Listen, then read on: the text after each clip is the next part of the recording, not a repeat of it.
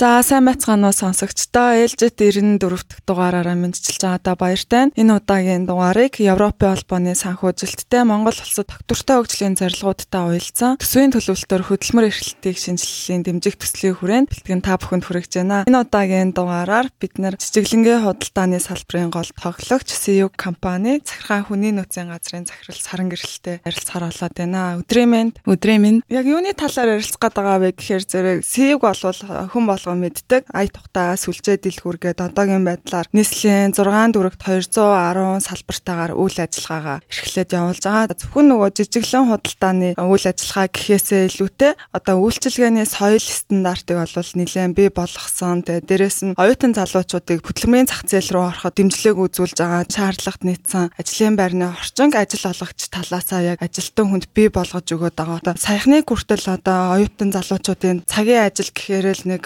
зөөгч гэд барилгын туслах ажилтан гэсэн тиймэрхүү дөө одоо ажлуудаар хязгаарлагддаг байсан бол яг ая тухта дэлгүүр за тэгээд жижиглэн худалдааны салбарт яг CU GS 25 гээл convenience store ороод ирснээрээ яг залуучууд маань одоо юу гэдэг чинь мэдлэг хүндлэх яснаас ахуулаад хүмүүстэй харилцах харилцааны ур чадвар нь хүртэл нэг чатаар ахиж байгаа юм болов гэж яг нөгөө үйлчлүүлэх болгондоо миний хувьд хардаг болохоор танаа яг хүний нөөцийн бодлого хэрхэн яаж авагддаг талаар бас энэ удаагийн дугаараараа онцолж харахаар болоод байна. Тэгээд урьдлах хүлээн авсанд баярлалаа. За ийм сайхан подкастта урьж өөрсдийнхөө туршлагыг танилцуулж ярилцах боломжийг олгосонд маш их баярлалаа. За нэмэлт мэдээлэл хүргэхэд CU компани маань 18 оноос хойш үйл ажиллагаагаа явуулах хугацаанд 2655 ажилтныг ажлын байраар хангаж байгаа. За эдгээр хүмүүсийн одоо дийлийнх нь 18-аас 35 насны залуучууд бол эзэлж байгаа. Бас нэг зүйл маань гэх юм бол ажлын бэрхшээлтэй ажилтнуудыг хөдөлмөрийн зах зээл дээр ажил хөдөлмөр эрхлэхэд нь бас дэмжлэг үзүүлээд явж байгаа. Яг ажил хөдөлмөр эрхлэн гэдэг чинь хөгжлийн бэрхшээлтэй хүмүүст бол маш том асуудал байдаг болохоор энийг бас үлгэр жишээ хэрэгжүүлээд явж байгаа гэдэг утгаараа энэ талыг бас онцолж танаар хариулъя гэж зориод байгаа. Тэгэхээр миний эхний асуух асуулт юу вэ гэхээр яг танаа компани хүний нөөцийн ямар бодлого баримталт юм бэ? Энэ талаар бас сонирхуулж ярьж өгөөч. Аа. За, манай компани болохоор одоо хүний нөөцийн бодлогын хувьд а хүний нөөцийн өрсөлдөх чадамж дээр суурилсан стратегийг баримталдаг. За, өрсөлдөх чадамж гэж юу вэ гэхээр тухайн одоо хувь хүний мэдлэг, а ур чадвар, зан характер, хандлага, за үн цэлсэн ийм цогц нэгдлийг хэлээд байгаа. Тэгэхээр өмнө нь бол хүний нөөцийн салбарт хүний нөөцийн мэдлэг болон ур чадвар маш чухал байсан. А гэхдээ ажилтан хүн гэдэг маань өөрөө болохоор ингээд хувь хүн учраас тухайн ажлыг хийж гүйцэтгэхэд одоо шаардлагатай чаа тэр мэрэгжлийн мэдлэг болон туршлагаас хоримтлуулах тэр ур чадвараас гадна тухайн хүний зан хандлага, тэл үнэмшил, үнд зүйлс, мотив одоо сэтэл гэдэг зүйлс бас яалтчгүй одоо салахын аргагүй маш чухал гэдэг. А эдгээр нь тухайн хүний одоо гүйцэтгэл өндөр байхад түлхүүр юм үзүүлэлт болж идэг гэсэн үг. Тэгэхээр одоо competency гэж англиар нэрлэдэг. А монголоор бол ингээд өрсөлдөх чадамж а гэж ер нь бол буулгаад байгаа. За тэгэхээр өрсөлдөх чадамж гэдэг бол ер нь бол зүгээр ингээд томьёололоор юу вэ тэгэхээр байгууллагын яг зорилго зорилтод хүрэхэд ажилтны гүйцэтгэл бүтэмжийг хамгийн өндөр түвшинд хүргэх хувь хүний хандлага, ур чадвар, чадамж мэдлэгийн хэмжигдэхүй зэм одоо цогц нийтлийг хилээд байгаа. Тэгэхээр бид нар бол ерөөсөө компанийнхаа урт хугацааны доктортой хөгжлийг бүрдүүлэхийн тулд ажилтнуудынхаа өрсөлдөх чадамжийг хүний нөөцийнхөө бүхий л юм системүүдээр дэмждэг гэсэн үг.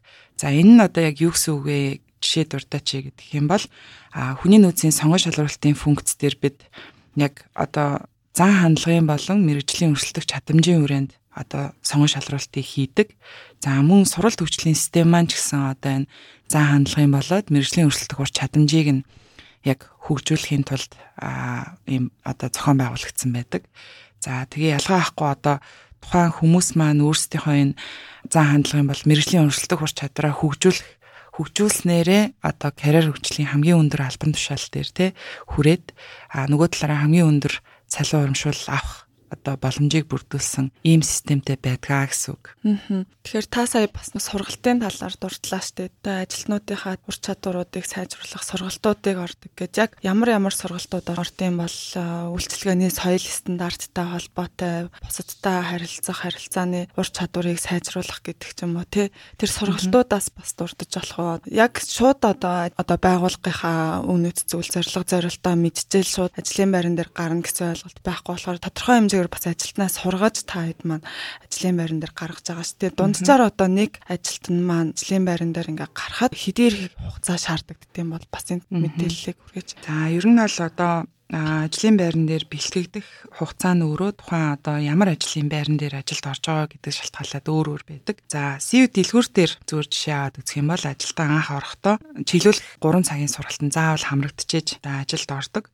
Аа тэгээд туршилтын хугацаа гэж байгаа. Аа туршилтын хугацаанд ерөнхийдөө ажилтан маань 25 төрлийн одоо стандарт ажиллагааны зааварчилгаа арга барилын танхимын сургалтанд заавал хамрагдах шаардлагатай байдаг. За тэгээ энэ ойролцоогоор үндсэндээ 5 хоног болдог. Цагаар ярих юм бол нэг 40 цагийн сургалт гэсэн. А харин дэлгүүрийн менежер эсвэл одоо туслах менежер ажилд орсон ажилтан бол дээрх одоо энэ нөгөө 25 сургалт дээр нэмээд 5-аас 8 хоногийн үндсэндээ 60 цагийн баг удирдах одоо ур чадварын сургалтанд заавал хамрагддаг. Хамрагдаад үндсэндээ сертификат авдаг. Өөрөөр хэлбэл дэлгүүр удирдах юм сертификат авдаг гэсэн үг. За тэгээд ер нь бол үйлчлэгээний соёл стандарттай холбоотой яг нөгөө монголоор бол зөөлөн ур чадвар гэдэг байгаа тийм soft skill-ийг хөгжүүлэх сургалтууд а нөгөө талаараа бас стандарттай холбоотой hard skill-ийг хөгжүүлэх юм сургалтуудыг танхимаар болон онлайнаар аль алиар нь хослуулад ордог байгаа. За жишээ зүгээр дурдах юм бол soft skills дотор а ямар сургалтууд байдаг вэ гэхээр үйлчлэгээний ажилтан гэж хэмбэ. За үйлчлэгээний ажилтны ур чадвар ямар байх хэвээр бэ? А үнэн хэрэглэгчийн яг үн цэн гэж юу юм бэ те? За тэгээ би өөрийнхөө шилдэг хувилбартаа яаж хүрэх вэ? Боломжтой сургалтуудад хамрагдахаас гадна манай компани яг ингээд нөө долоон үнд зүйл байдаг. За тэр долоон үнд зүйл бол ажилтан болгон маань ингээд эрхэмлэн дээдэлдэг, өөртөө бий болохыг зорддог юм. Зан хандлагын ур чадвар байгаа. Товчхон дурдах юм бол жишээлбэл одоо чухал зүйл төвлөрдөг гэдэг юм үнцэл аа. Нөгөө талаараа хувь хүний зан хандлага байгаа. За энэ болохоор юу вэ гэхээр өдөр тутмын маш олон одоо ажил үүргүүд байдаг те. Ялангуяа ритейлийн салбар дээр бол маш олон деталь ажлууд байгаа. Тэгэхээр энэ олон деталь ажлууд дотроос хамгийн чухлыг нь олж хараад тэр хамгийн чухлаа хамгийн өндөр гүйцэтгэлтэй одоо хийж гүйцэтгэх гэсэн нэгдүгээр тийм үнцэл байна. За хоёрдугаар жишээлбэл одоо нээлттэй сэтгэдэг гэж байж байна. Энэ нь өөрөө юу вэ гэхлээр за бусдын үзэл бодол байр суурийг одоо чин сэтгэлээсээ ойлгохыг ирмэлцдэг тий дэнслэх чадвартай ийм одоо ур чадварыг хилээд та нөөдлөөрөө бас empathy гэж хэлээд байдаг тий хүнийг бүр чин сэтгэлээс ингээ ойлгодог. За мөн одоо хувь хүний үнд зүйлийг бас одоо асуудлыг шүүмжилдэг гэдэг үнцэл байна. За энэ юу вэ гэдэг тэгэхээр ер нь бол ямар нэгэн шүүмжлэл хийх тохиолдолд нөгөө хувь хүн хувь хүний нөгөө үн цэл рүү хит орж дайраад одоо жижиглэх гэдэг те. Тэгэхээр энэ нөрөө нөгөө үндэ өсч хөгжих боломжийг өгдөггүй учраас тухайн хүний одоо хувь үнэт зүйл рүү бус одоо яг гарсан тэр алдаа асуудлыг шүүмжилдэг те. Ийм одоо ур чадварыг хилээд байгаа. За дараагийнх нь болохоор одоо энэ шулуун шудраг гэж байна. Тэгэхээр шулуун шудраг бол ер нь бол хүмүүс одоо жишээлбэл ингээл яг хурал дээр яг үнэхээр тухайн сэдвийн талаар маш сайн мэдээд байгаа мөртлөө яг ингээд хэлэхгүй ингээд орхичдог. Тэснээ дараа нь одоо нөгөөх нь одоо бүтлгүүтгэр те би бол нэнийг хэлэх гэжсэн штэ гэдэг ч юм уу. Угаасаа л юм байсан штэ гэх юм уу. Тийм байдлаар одоо хандах гад байдаг. Тэгэхээр нөгөө талаараа бид нар энээс зайлсхийгээд яг юуг хэлхийг хүсэж байгаа нь тэр яг хэрэгтэй цаг моментт нь одоо шударгаар те хилдэг байх талаар хэлээд байгаа. Гэх мэтчлэн манай энэ 7 одоо үн цэслэлээр бид нар одоо дөнгөж амьдралын гараа эхлэх гэж байгаа тий тэр одоо залуучуудыгаа яг нөгөө хувь хүний зан хандлага талаас нь сургаж хөгжүүлэх тал дээр маш их анхаардаг. Тэгэхээр үндсэндээ манай ажилтнуудын хувьд бол саяын одоо нөгөө долоон төрлийн үнд цэсийн хүрээнд тэр одоо зан хандлагын ур чадварыг маш сайн гэж өөртөө хөгжүүлэх боломж олддгоо гэсэн үг. Одоо зөвхөн одоо нэг ажлын байран дээр гараа зогсохгүй дараа дараагийн бас ажлын байран дээр тэр ур чадваруудаа бас ашиглаад цаашд бол тухайн ажилтан маань нэлээ хөгжөхөд бол чухал үзүүлэлт олж гин гэж миний хувьд хараад байна л да. Тэгэхээр бас нэг сонирхож асуумаар байгаа зүйлүүд одоо залуучууд болгоно харилцаа адилгүй суур хүмүүжил боловсрал одоо эзэмссэн мэрэгжлийнх нь одоо тэр онцлогоос хамаарат бусадтай харилцах харилцааны хувьд бас янз бүр байгаад байдаг. Нөгөөтэйгүр бас одоо юу гэдэг чинь дэлгүүрт орж ирж байгаа үйлчлүүлэгч болгон янз бүрийн харилцаатай янз бүрийн хүмүүс байгаад хүний нөөцийнх нь хувьд аваад үзэх юм бол яг залуучуудын маань ингээ ажил хөдөлмөр эрхлэхэд одоо илүү давуу талууд нь бас юу байгаад байгаа юм те сул талууд нь бас юу байгаад байгаа. Тэр талаар та бас дэлгэрүүлээд ярьж өгвөл юу гэж харах? Аа. За Манай нийт ажилтнуудын үндсэндээ одоо 82% нь оюутан залуучууд байдаг. Тэгэхээр энэ бол бүр маш өндөр хувилтаа. Тэгэхээр нэгдүгээр курсээс ахуулаад одоо дөрөвдүгээр курст одоо суралцж байгаа юм оюутнууд ажилтгаа гэсэн үг. Тэгэхээр залуучуудын маань хувьд одоо давуу тал бол мэдээж маш их байгаа одоо өөрөөр хэлбэл юм заадаг маш хурдан сурдаг. А дээрэс нь ингээд өсч хөгжих одоо үнэхээр чин ирмэлцэлтэй одоо бүр ажилд орохдоо ганц л асуудаг асуулт нь би энэ ч яаж өсч хөгжих вэ гэдэг ийм хандлагатай байгаа нь ажиглагддаг. За тэгээд хандлагын хувьд бас одоо юу гэдгийг нийгэмдээ амар гоё тийм шин садан зүйлийг бүтээч юмсан те а хүмүүст гоё тийм эерэг өөрчлөлтийг авчрах юмсан гэдэг ийм а хүсэл ирмэлцэл одоо байгаа нь маш их ажиглагддаг. За нөгөө талаараа бас одоо юу гэдгийг өөрсдөө илэрхийлэх чадамж бол маш өндөр. Аа би одоо ийм зорилготой, ийм зорилготой өрхийн тулд ингэж одоо ажилланаач гэдэг юм уу те. Ер нь бол маш их тийм зорилготой болцсон ажиглагдаж байгаа. Нөгөө талаараа одоо сул талын хувьд гэдэг юм бол бас ер нь бол мэдээж байгаа.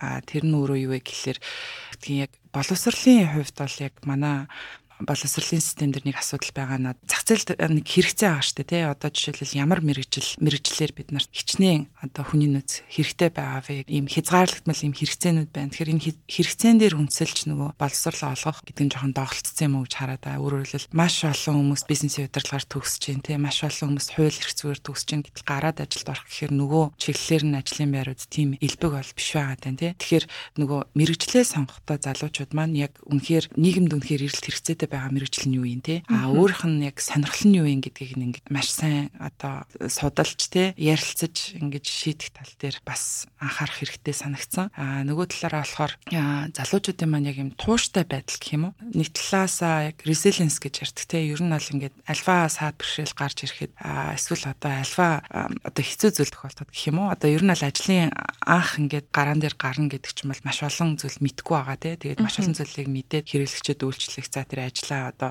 хийх гэдэг ийм шаардлагатай тулгарч байгаа шүү дээ. Тэгэхээр ер нь бол ямар ч үед ингээд тууштай байгаад өөрийнхөө зорилготой үнэнч байгаа түүнийхээ заавал ард гарнаа гэдэг ийм одоо зан хандлага жоохон сул санагддаг. Тууштай байдал бол амжилтанд хүрэх хамгийн одоо чухал ийм фактор буюу хүчин зүйл байгаад байгаа. Энэ талыг нь бас төвчээр хатуужил те тууштай байдлыг нь сайжруулах тал дээр манай одоо эцэг их те ер нь бол эн чинь багын хүмүүжлээс бас шалтгаалж байгаа. Нөгөө талаас одоо өсөх үедээ одоо юу гэдгийг хүрээлэн байгаа орчин те найз нөхөд одоо юу гэдэг сургуул гээд бүхэл зүйлээс шалтгаалж байгаа учраас энэ тал дээр бид нараас амар сайн анхаарах хэрэгтэй болов. За 3 дахь хамгийн сүүлийнх нь гэдэг юм бол ер нь бол нөгөө маш их амархан боддог. Өөрөөр хэлбэл одоо юу гэдгийг маркетингийн чиглэлээр нэг жил ажиллаад те а ер нь бол болчлоо ч гэдэг юм уу те. Гэтэл одоо тухайн мэрэгчлэр ингээд үнэхээр туршлагатай болон экспертийн чиглэлд хүрнэ гэдэг бол ганцхан жил бол үнэхээр хангалтгүй. Одоо нөгөө нэг японочдын жишээ дээр те маш сайн ингээд вар хийдэг хүнээс очиод асуусан юм байна л да. Бүр 20 жил вар хийж байгаа. Ерөөсө гараараа нөгөө нэг вар хийдэг штэ шавар вар. Тэгээд асуусан юм байна. Та одоо бүр ингээ 20 жил энэ варыг ингээ хийчлээ. Одоо бүр ингээ төгс хийдэг болцсон уу гэд асуусан чинь үгүй. Би одоо ингээ өдөр болгон энэ өөрийнхөө хийж байгаа варанда дандаа шин зүйл өмнөх алдаагаа ингээ залруулах зүйлийг оруулаад ингээ төгс хийхийг чухалчилж байгаа боловч одоогоороо би яг вар төгс хийдэг болцсон гэж өөрийгөө бодохгүй байна гэж хэлсэн гэдэг. Тэгэхээр энийг бас манай залуучууд амар сайн бодууштай санагдаж байгаа. Тэгэхээр та хэллээ шүү дээ одоо нийт ажилтнуудын 82% нь оюутан залуучууд байгаа. Ажилтнуудын бас нөгөө урсгал хөдөлгөөн бас нэлээд хэлбэлцэлтэй байдаг бах тий өндөр байдаг бах. Тэгвэл ажилтнуудаа яг тогтоон барих талаар ямар хуу бодлого баримталж ажилт юм бол одоо магадгүй одоо анх CEO-д орж исэн оюутан маань одоо үргэлжлүүлээд илүү менежерийн төвшөнд эсвэл бэк оффист ажиллаад явж байгаа гэдэг ч юм уу. Яг тиймэрхүүдүүд авч хэрэгжүүлдэг одоо үйл ажиллагаануудын талаар дурдвал юу гэж дурдах вэ? За ер нь бол яг жижиглэн худалдааны салбар маань болохоор яг зөвхөн Монгол улсад гэлтгүү дэлхийд дахинд ер нь бол маш өндөр одоо шилжилт хөдөлгөөнтэй салбар байгаа. Тэгэхээр хүний нөөцийн бодлоготой бид нар яг ажилтныхаа доктор сурчлыг хангахын тулд баримталдаг гол одоо зарчим нөгөө талаараа стратеги болохоор Аз жаргалын стратеги гэж байна. За ер нь бол ер нь нэр нь бол амар тийм энгийн сонсогдож байгаа. Нөгөө талаараа сонирхолтой бах тий.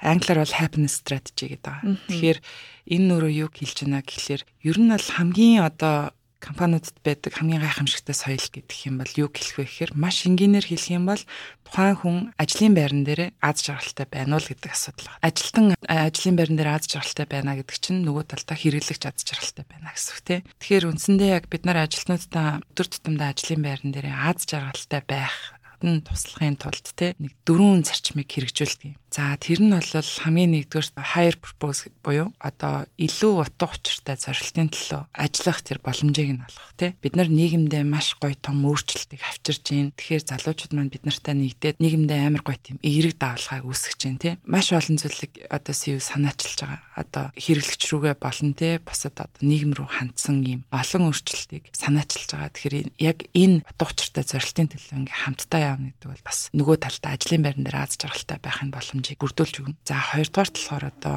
эрх мэдлэг чаа. За эрх мэдлэг гэхээр нэг сүртэй үг сонсогдож байгаа. Гэхдээ нөгөө талаараа бол тухайн ажлын байран дээр одоо ажиллаа маш сайн хийгээ сурцсан. Аа тэгээ тодорхой хэмжээний хүрээнд өөрөө биед байгаа шийдвэр гарах эрх мэдлэлтэй тийм орчин бүрдүүлэхийн төлөө тий ажиллаж байгаа гэсэн. За гурав дахь нь бол маш чухал энэ нүрөө юу вэ гэхээр утга учиртай харилцаа гэж. За өөрөөр хэлбэл англиар болохоор meaningful relationship гэдэг. Утга учиртай харилцаа гэхээр юу вэ гэхээр ерөөсөө чин сэтгэлээсээ ажлын байран дээр бие биенээ халамжилдаг, тий бие биенээ анхаардаг тэр талтай харилцааг хилээд байгаа гэсэн үг. Хүмүүс хоорондын утга учиртай харилцаа гэдэг нь. За энэ харилцааг үүсгэхийн тулд бид нар одоо маш олон төрлийн олон нийтийн үйл ажиллагаа тий а нөгөө талаасаа дэлгүүрийн менежүүдээ маш сайн сургах, одоо хүнээ удирдах, хүнтэйгээ зөв харилцаа сурах, тий арга техникэд сургах гэх мэтчлэн зүйлүүдийг хийж байна. За дөрөвдүгээр маш чухал бас асуудал нь юу вэ гэхээр импакт буюу одоо нөлөө өгч байгаа. А энэ нь болохоор нөгөө талаараа юу вэ гэхээр би яг одоо энэ компанид ажиллаж байгаагийн хүрээнд өөрөө өөртөө ямар дэвшил хийсэн бэ? Өөрөө өөртөө одоо ямар хөгжлийг авчирсан бэ те? Би өмнө байснаасаа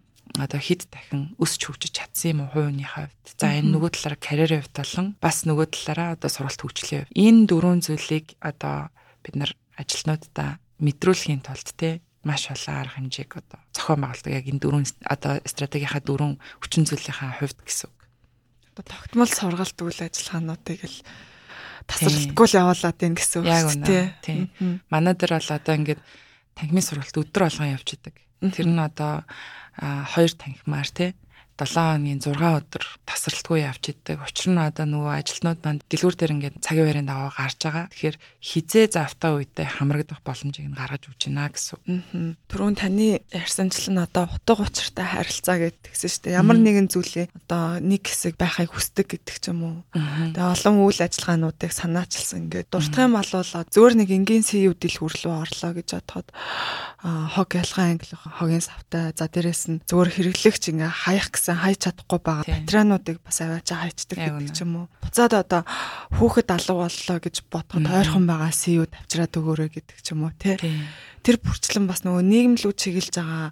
За багч гэлтгүй бас хэрэглэгчийн зан үйлийг бас нэг талаасаа эн чинь өөрчлөх гээд байгаа нэг зөөлөн арга хэмжээ болцоод байгаа шүү дээ. Миний хувьд бол анзаараад яваалгаа л тэгэл. Зарим нэг одоо салбарууд дээр одоо хөгжлийн мэрэгчлэлтэй хүмүүс одоо орж гарах орц гарцыг нь бас бий болгоод өгцөн гэдэг ч юм уу тий. Зөвхөн одоо худалдаа үйлчлэгээний салбар гэдэг утгаараа биш тэр үйлчлэгээгээрээ дамжуулаад нийгмийн бүхий л бүлгийн хүмүүст хүртээмжтэй байхыг ингээд зориод байгаа тэр үйл ажиллагаануудыг нь бас миний хувьд бол анзаарч хараад байгаа. Тэгэхээр яг ямар арга техник ашиглаад байгаа юм бэ? Хүний нөөцийн бодлого дээрээ сүүлийн үе ямар одоо тренд болж байгаа арга хэрэгслийг ашигладаг вэ гэдэг ч юм уу те? Ямар арга барил байдаг вэ? Тэрийг хуваалцаач. За, ер нь бол хүний нөөцийн бодлого дээр бидний одоо анхаарч үзэх хэрэгтэй хамгийн чухал зүйл бол нөгөө хүний хэрэгцээ байгаа. Хүний хэрэгцээний онол гэдэг чинь масло байна те. За, тэр хэрэгцээний онолын одоо бүр хамгийн дээдлийн гурвалжин дээр юу байдаг вэ гэхээр өсч хөгжих хэрэгцээ байгаа шүү дээ. Тэгэхээр өсч хөгжих хэрэгцээг одоо компанида бид нар хангах нь бол маш чухал аа. Өөрөөр хэлбэл бид нар нөгөө маш хурдтай тэлж гин те дэлгүүрүүд маань одоо бараг сартаа 7-оос 15 салбар дэлгүүр нээж гин. А энэ маань одоо ямар боломжийг олгож байна гэхээр маш хурдтай суралцаад өсч хөгжиж чадсан тохиолдолд одоо карьерийн боломж бол ингээд хүн болгонд нээлттэй байгаа байхгүй юу? А нөгөө талаараа одоо ичгүй буюу офисын төвшөнд хүртэл салбар дэлгүүр хурдтай өсөж байгаа учраас бас маш хурдтай тэлж байгаа. Офисын одоо ажилтнуудынхаа тоог хүртэл бид нар нэмээд явдаг гэсэн үг. Тэгэхээр ерөн зөвөр хамгийн сүүлийн хугацаанд хэрэгжүүлсэн томоохон одоо хүний нөөцийн систем гэдэг юм бол сүүлийн одоо 2 жил гаруй хугацаанд бид нар карьер хөгжлийн систем гэдэг одоо шинэ системийг гаргаж ирэхин төлөө ажилласан. Энэ маань болохоор ерөнхийдөө юу вэ гэхээр компани ерөөсөө нийт ажлын байрууд дээр босоо олон одоо хөндлөн чиглэлд хөгжих боломжийг нь нээлттэй олох юм шатлалын систем байна. А үндсэндээ яг энэ карьер хөгжлийн системийг гаргаж ирэхдээ бид нар компани нийт ажлын байруудыг дакум гэдэг за энэ бол олон улсад нэлээд сайн танигдсан ажлын байрны шинжилгээний аргачлал байдаг. За энэ аргачлалын дагуу одоо шинжилээд компани яг нийт ажилтнуудаасаа шаардагдах одоо бидний нөгөө эрхэм зорилттой хүрэхэд шаардагдах тэр нийтлэг зан хандлагын өрсөлдөг ур чадамжийг тал бичиглэлбэртэйгээр тодорхойлоод За одоо жишээл түрүүний одоо нээлттэй сэтгэдэг гэдэг ганц өгүүлбэрээр хэлчих юм бол хүн ойлгохгүй те яг юу яриад байгаа. Тэгэхээр нээлттэй сэтгэдэг гэдэг нь одоо төвшин тос бүртэй одоо таван төвшөнтэй байгаа байхгүй юу одоо илэрх юм бэ те яг нээлттэй сэтгэдэг хүнээс ямар зан хандлага илэрх вэ гэдэг ингээд тал бичиг хэлбэртэй тодорхойлсон гэсэн. За тэгэхээр нөгөө талдаа бас удирдлагын ажилтаа хоёр нэг хэлээр одоо ойлголцоход ингэж төхөн болж байгаа. Нээлттэй сэтгэдэг чадвараа сайжруулмаар байна гэл тэгэхээр за юу сайжруулах вэ гэдээ одоо гацж штэ те. Тэгэхээр нээлттэй сэтгэдэг ур чадвар дээр энийг нь сайн чадж, энийг нь сайн чадахгүй байна гэдэг энэ илүү тодорхой болгож өгсөн гэсэн. За тэгээд ялгаахгүй албан тушаал тус бүр дээр одоо мэрэгжлийн өрсөлдөх ур чадварыг нь тодорхойлсон байгаа. За энэ нь болохоор юу гэхээр мэдээж албан тушаал тус бүрийн хувьд ч өөр өөр учраас өөр өөр чадамж шаардагддаг. Тэгэхээр мөн ялгаа авахгүй тал бичиг хэлбэрээр тодорхойлсон. Тэ яг энэ тазааны нэгтлэн бадагч гэж хүн те ямар ямар зүйлийг нэгдүгээр төвшөндөө хийгээс сурцсан байх юм ямар ажилбаруудыг бие дагаа хийгээс сурцсан байх юм. За төвшин хоёр руу очиход те энэ хүн дээр ямар ямар чадамж нэмэгдсэн байх вэ гэд ингээд нарийн тодорхойлж ирсэн гэсэн. За тэгээд үүний дараагаар ерөнхийдөө нийт одоо 90 гаруй ажлын байруудыг зэрэглээд За зэрэглэхдээ бид нар англиар бол одоо job grading гэж нэрлэдэг. Тэ ажлын байрны зэрэглэлийн үнэлгээ. А point factor method гэдэг аргачлалыг ашиглаад энэ нь бол одоо жишээлбэл оноогоор ингээд зэрэглэх аргачлал байгаад нийт одоо 90 гаруй ажлын байрыг компанийн хувьд аль нь илүү чухал вэ гэж одоо зэрэглэх гэдэг нь гэсэн үг шүү дээ, тэ. Тэгвэл ерөнхийдөө оноо өгөөд ингэж зэрэглэдэг аргачлал байгаа байхгүй. За тэр аргачлалыг ашиглаад бүгдээр ингээд зэрэглэсэн. За зэрэглээд ерөнхийдөө босоо чиглэлийнхаа бүх одоо ажлын байруудаа энэ бол грейд 1 ажлын байр юм аа. За энэ бол одоо грейд 3 ажлын байр юм аа. Англилаа яг үндсэндээ одоо тусгай аргачлал одоо олон сайн танигдсан тий олон улсад хамгийн өндөр одоо хувьтаагаар ашиглагддаг ийм аргачлалын дагуу зэрэглээд бүгд иргэн тогтоосон гэсэн. За тэгээд ерөнхийдөө хөндлөн шатлал дээрээ бид нар хідэн төвшөнд ерөнхийдөө ажилтнуудаа хөгжүүлэх боломжтой бай буюу за босоо чиглэлд бол ерөнхийдөө тухайн удирдах чиглэл рүү ингээд хөгжөөд байгаа. А хөндлөн чиглэл гэдэг нь юу вэ гэхэд тэгэхээр тухайн хүн тооцооны нэгтлэн бодогч байсан хിവэрэ а тухайн мэрэгжлийнхаа өрөөнд одоо экспертийн түвшинд очдог ч юм уу те.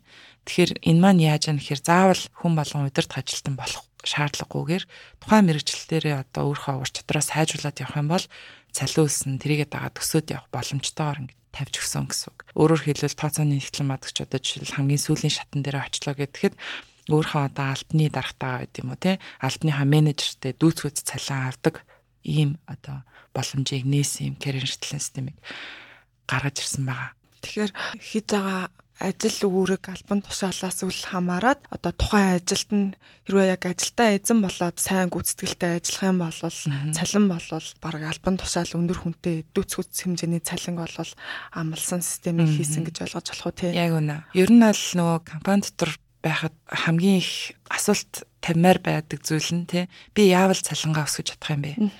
Төрөний яриад байгаа тал бичгүүдийг хийсэн шалтгаан бол ерөөсөө тэр өөрөөр хэлбэл яг би ямар болцлыг хангачих юм бол тий миний цалин одоо хідээр хэдгэн тий 20%-аар 30% өсөх юм бэ гэдэг энэ нөгөө шалгуур үзүүлэлтүүдийг маш тодорхой тавьж хүн үнэхээр чухал.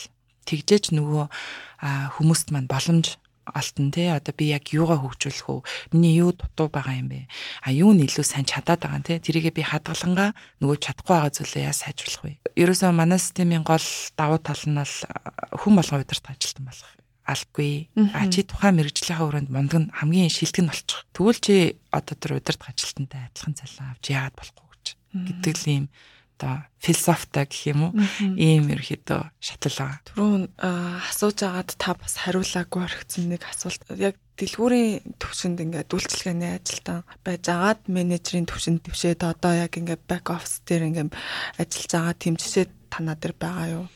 Оо тэр аль маш олон штэ. Одоо юу гэдэг дэлгүүрийн ажилтнаар жишээлбэл ажилд ороод те хамгийн богино хугацаанд ерөнхийдөө нэг 3-аас 6 сарын дотор гэхэд тэр хүн яг дэлгүүрийн ажилтныхаа хамгийн одоо левел 5 ч юм уу нэлийн сүүл шат руугаа очих боломж нь бүрдчихдэг. Өөрөөр хэлбэл манай карьерийн шатлалал нэгээр дамжаад 2, хоёроор дамжаад 3 гэсэн биш. А тухайн үнэлгээнд оролцоод ямар хавтаа гарцаа шалтгаалаад дээшээ доошоо хаашаач өсөрч болно. А тэгэхээр энэ нь өөрөө юу илэрхийлж байна гэхээр дэлгүүрийн ажилтнаар ажилд ороод менежер болох тийм боломжтой гэсэн үг тий. За тэгээд менежер болоод тэрнээс дэшегээ дэлгүүрийн зөвлөх офс ажилдаг юм ажлын байр байгаа. Тэр маань болохоор ерөнхийдөө 7-оос 12 салбар дэлгүүрийн менежерийг удирдах ажилдаг юм зөвлөхийн чиг үүрэгтэй ажлын байр байдаг. Тэгэхээр дэлгүүрийн менежер байж байгаа дэлгүүрийн зөвлөх болох бүрэн боломжтой. А нөгөө талаараа бас офисын бусад төрлийн албан тушаалууд руу хөрөөж ажиллах боломж байгаа. Одоогийн байдлаар бараг 20 орчим ажилтан офис руу твшээд ажиллаж байгаа тохиолдол манай дээр байна. Тэгэхээр бол бид нар мэдээж карьер хөгжлөө бодоод офис дээр ажиллан авах тохиолдолд хамгийн түрүүлж дотоод их усүрээсээ те дэлгүүртээ тэр ажлын байрыг зарлах гэдгээс эхэлдэг. Тэгэхээр тийм жишээ бол зөндөө байна. Банкнд орж байгаа бол тэлрээс эхлэх хэрэгтэй гэдэг шиг л тий. Яг тэгжэл яваад. Ер нь аль нөгөө ээжгүй одоо офис гэдэг маань ерөөсө дэлгүүрт спорт үзүүлэх үүрэгтэй те дэлгүүрт дэмжлэг үзүүлэх үүрэгтэй юм алтууд байдаг учраас нөгөө дэлгүүр дээрээ ямар үйл ажиллагаа явагддгийг мэдгүй а бүх ажилбаруудыг нь сайн мэдгүй ээж спорт үзүүлнэ гэж бол байхгүй. Тийм болохоор манай офисын ажилтнууд хүртэл одоо юу гэдэг дэлгүүр дээр ажиллаагүй ороод ирсэн ажилтнууд байх юм бол удирдалтаа хоёр удаа салбар дэлгүүр дээр заавал ажилдаг. Ер нь бол дэлгүүр дээр ажиллаагүй ажилтнч байна уу, ажиллаж исэн ч хүмүүс байна уу ялгаахгүй офисын одоо манай 150 гаруй ажилтнууд маань бүгдээрээ улиралтаа хоёр өдөр заавал дэлгүүр дээр дэлгүүрийн ажилтны ажил хийдэг гэсэн.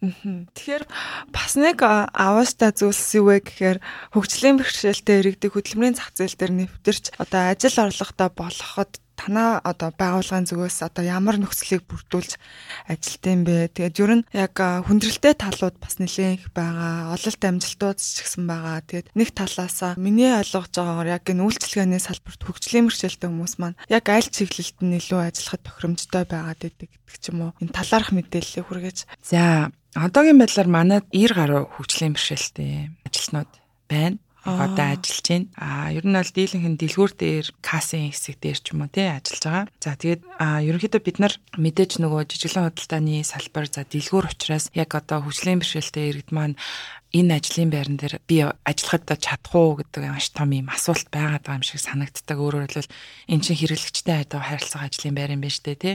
Би тэгэхээр ч одоо хэрэглэгчтэй яаж харилцах вэ гэж чадах юм уу? Өөртөө ихтгэлгүй байгаа байдал амар хажиглагддаг. А гэхдээ ер нь бол мэдээж одоо аль ч ажлын байран дээр тохируулгын сайн хийх юм бол мэдээж хөгжлийн бишэлтэй иргэд маань ажиллах бүрэн боломжтой. Тэгэхээр бид нар бол одоо хөгжлийн бишэлтэй иргэд рүүгээ хандсан одоо юу гэдэг нөгөө тэр нэг ихтгэл өөрөө амар баа байгаа даа шүү дээ, тий. Тэгэхээр нөгөө талдаа энэ нөрөө юг харуулдаг вэ гэхээр яг зах зээл дээр ингээд шууд одоо ажлын байр горлоод ирдэг, ажлын байр хайгаад ирдэг тэр хөгжлийн бишэлтэй иргэд бол нэлээд бага байд. Өөрөөр хэлбэл тоон бол нэлээд бага. Тийм учраас бид нар одоо маш олон одоо төрийн болон төрийн бас байгууллагатай хамтарч ажиллаж байна. Одоо JICA болон хөдөлмөр нийгмийн хамгааллын яамны хамтарсан юм нэг төсөл явж байгаа. Хөгжлийн бишэлтэй иргэдийн одоо тэр хөдөлмөр эрхлэлт рүү чиглэсэн.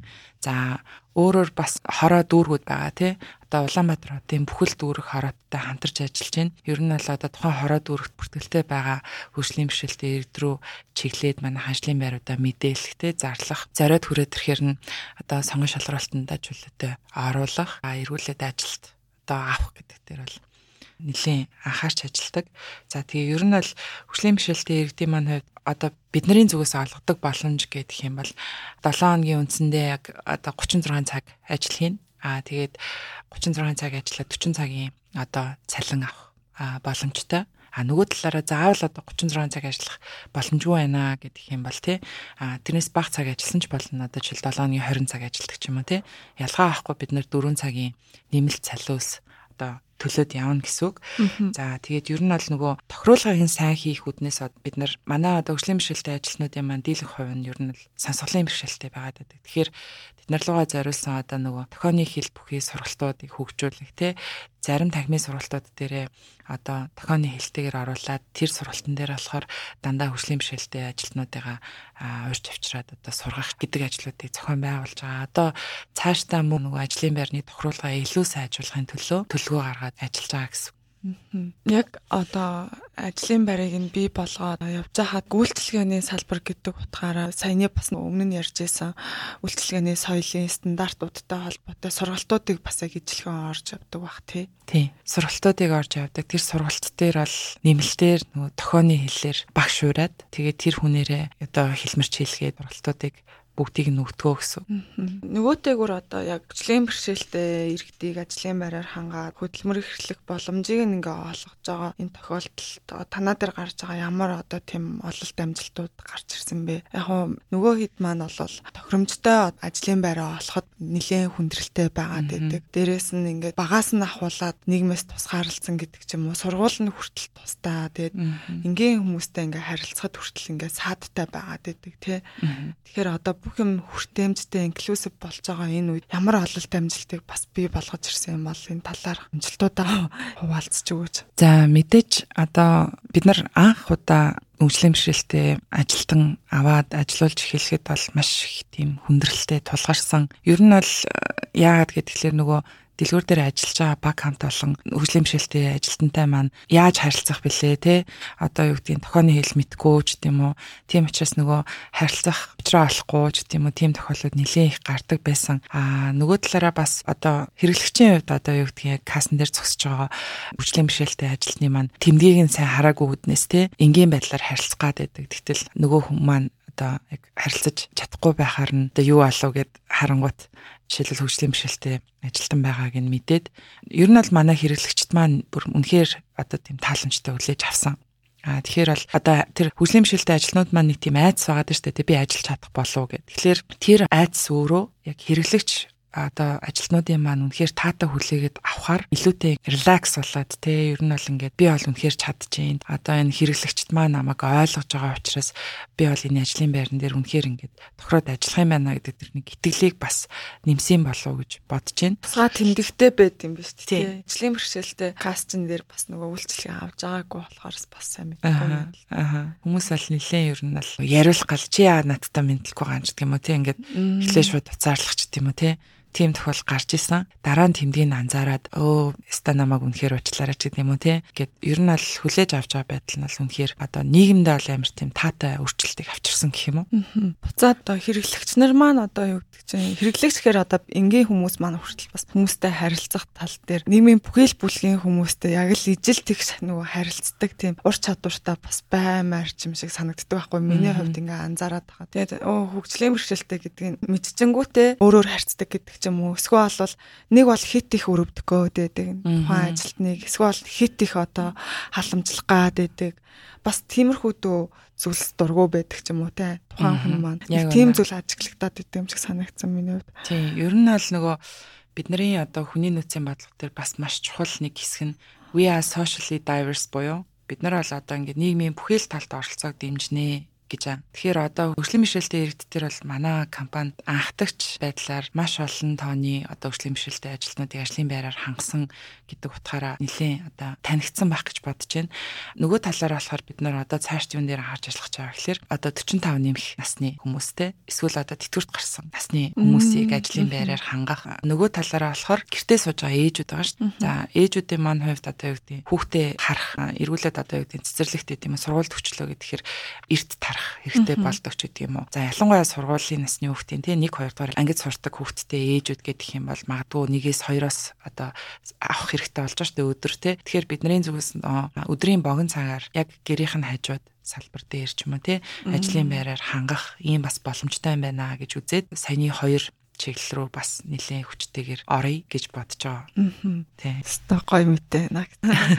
Тийм одоо хүмүүс насны хязгаартай ажлын байранд авдаг болсон шүү дээ тийм. Яг ажил хөдөлмөрөө хийгээд дууссан тэтгэврийн насны даав ээж их ах дүүс нь маань хүртэл ингээд бусад ажлуудыг олвол хийж чадаад байдаг. Тэгэнгүүт өөр ажилд орё гэхээр өө та тэтгэврийн насныхан биш гэдэг ч юм уу. Наснасаа болоо ажлын байранд хамрагдах боломжууд бас айгүй саадтай байдаг юм шиг санагддаг. Нөгөө талаасаа ингээ тэдгээр хүмүүс маань нэг л ажил ажлаа байнга хийсээр агаад гэх юм уу нэг салбартаа ажилласаар агаад тэр талаараа бол нэлээд мэрэгцсэн. Тэгтээ бас өөрчлөлт шинжилэлт ингээд тухайн хүнд ингээд хийгдэж гэн гэдэг нь нэг талаасаа ингээд шин зүйл ингээд суралцсан. Бас залуучуудтай ингээд хамт эдгээр нэг хэсэг болоод ажиллана гэдэг бол тухайн хувь хүнийхээ хувьд бас нэлээд тийм ажиллахад бас нэг тийм meaningful утга учиртай ажлын байрны нэг хэсэг болчихж байгаа юм болов уу гэж миний хувьд хараад байна л үнэ. Тэгэхээр үргэлжлүүлээд асуухад ажилтан гэдэг чинь одоо танаа байгууллагын хувьд бол ажилтан гэдэг бол нэлээд том капитал, том хөрөнгө гэж ойлгож болохоор байгаа шүү дээ. Ажилтнуудаараа дамжуулаад хэрэглэгчдэд хүрч байгаа. Тэр хэрэглэгчд маань бас танаа үйлчлэгийг ажилтнуудаар дамжуулаад мэдж авч байгаа гэдэг утгаараа маш том тийм капитал гэж миний хувьд хараад байна л да. Тэгэхээр ажилтнуудын нийгэм хамгааллын бодлого маань хэрхэн яаж явагддаг юм бол одоо за яг хуулийнхаа дагуу одоо эрүүл мэнд нийгмийн даатгалдаа бол хамруулцлаа. Ахаад одоо үнээс га түгээлт үйлчлэгээний ажилтнуудтай давхар одоо гинти ослын даатгалд хамруулдаг гэдэг ч юм уу те. Нийгэм хамгааллын бодлогын хүрээнд авч хэрэгжүүлдэг арга хэмжээнүүдээ бас ярьж өгөөд.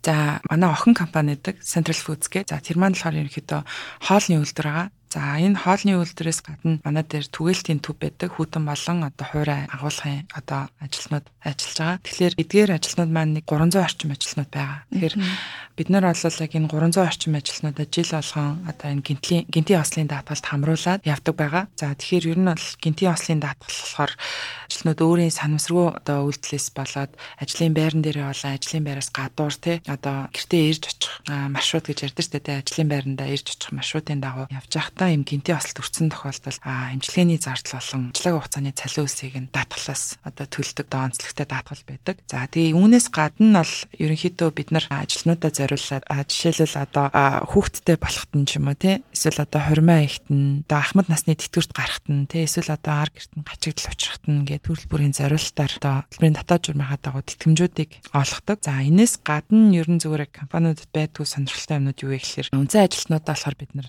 жилдээ 3 хоногийн юм одоо өөрийгөө эмнэлэгт үзүүлэхтэй эмчлүүлэх 3 хоногийн юм цалинтай чөлөө олгодог. Одоо эрүүл мэндэд анхаарахтан зориулаад гэсэн үг тийм. А нөгөө талаараа болохоор 7 хоногийн одоо 2 цагийг ажилтнуудтай юм цалинтай сурах цаг гэж болгодог. Тэр нь одоо яг ажлын байран дээр баг хамт олноороо ч юм уу эсвэл одоо бие дагаад ч юм уу аливаа зүйлийг судлаад суралцахтан зориулаад 2 цагийг ажиллаа хийхгүйгээр цалинтай сурахт нь одоо зориулж өгдгөө гэсэн. За тэгээд ерөнхийдөө дэлгүүрийн нийт ажилтнуудын хувьд гэх юм бол түрүүний яригддаг маш олон төрлийн заавал хамрагдах энэ сургалтууд бид нар бүгдээрингийн одоо цалинтай сургаж байгаа. Тэгэхээр сургалтанд хамрагдсан бол ерөнхийдөө цагийн цалинтай тооцдог. Тэгээд ер нь бол ажилтнуудынхаа эрүүл мэндэд бол бид нар бүр маш их анхаарал хандуул эрүүл мэнд рүү чиглэсэн ямар ажилтнууд хийдэг вэ гэхээр сар болгон одоо спорт зал хүрээсэлсэн одоо хүсэж байгаа ажилтнууд маань очиод тоглох боломжтой. А нөгөө талаар болохоор энэ баг тэнгэрийн ам хөл бөмбөгийн болон теннисний талбай түрээсэлдэг 7 хоног болгон бас очиод тоглох боломжтой. Мөн одоо бассейн тий усан бассейн а фитнес төвүүд дээр бид нар ажилтан маань явахыг хүсэх юм бол 50% нь хөнгөлж одоо компаниас тэр 50%-ыг нь төлж өгдөг байгаа. Тэгээд мөн одоо жилдээ нэгээс хоёр удаа дархлаажуулалтын багц олгодог. Энэ бол одоо ингээ витамины багц одоо ажилтнуудтай зориулаад олгодог гэсэн үг. Энээс гадна ерөнхийдөө сар болгоо яг тэр эрүүл мэнд рүү чиглэсэн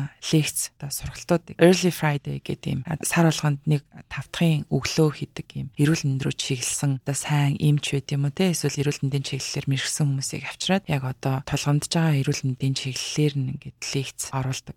Аа хүсэж байгаа ажилтнууд нь хамрагдах боломжтой ийм хөтөлбөрийг явуулдаг. За за энэ жилээс эхлээд бид нарын бас нэг бодож байгаа том үйл ажиллагаа маань болохоор манад одоо маш олон тооны оюутан залуучууд ажилладаг гэж төрүүлсэн шүү дээ. Тэд нар руугаа чиглэсэн одоо сургалтын тэтгэлэг хөтөлбөр зарлахаар бодож төлөвлөөд одоо төлөвлөгөөний ажил дээр явж байгаа юм байна. За за. Нилээ төлөвлөж байгаа гой гой ажлуудынхаа талаар бас манай сонсогчдод мэдээлэл хүргэсэнд баярлалаа. Тэгээд шууд CEO-д ажилд ормоор санагдлаа. Сүүлийн хэд сүүлийн хэд нөгөө нэг нөхцлүүдийг сонсонгота орч тийм үү. Тэгээд санагдтал ярьлаа. За баярлалаа. За тэгэхээр энэ удаагийн дугаараар CEO компани захиргаан хүний нөөцийн газрын захирал саран гэрэлтэй ярилцлаа. Яг хүний нөөцийн чиглэлээр ямар бодлого баримталж ажилтны ажилтнуудаа өсөн хөгжих боломжууд дээр ямар ямар боломжуудыг бий болгож өгдөг. Болоод яг хөгжлийн бэрхшээлтэй ажлнуудыг ажлын байранд одоо ажлын байртаа болгоход авч хэрэгжүүлж байгаа арга хэмжээ цаашлаад хүний нөөцийн чиглэлээр хэрэгжүүлэхээр төлөвлөж байгаа гол гол ажлуудынхаа талаар хуваалцсанд баярлалаа. Тэгээд энэ удаагийн дугаар цачнаар оролцсонд баярлалаа. За баярлалаа. Дараа дараагийн подкаст амжилт хүсье. За баярлалаа. Баяртай. За баяртай.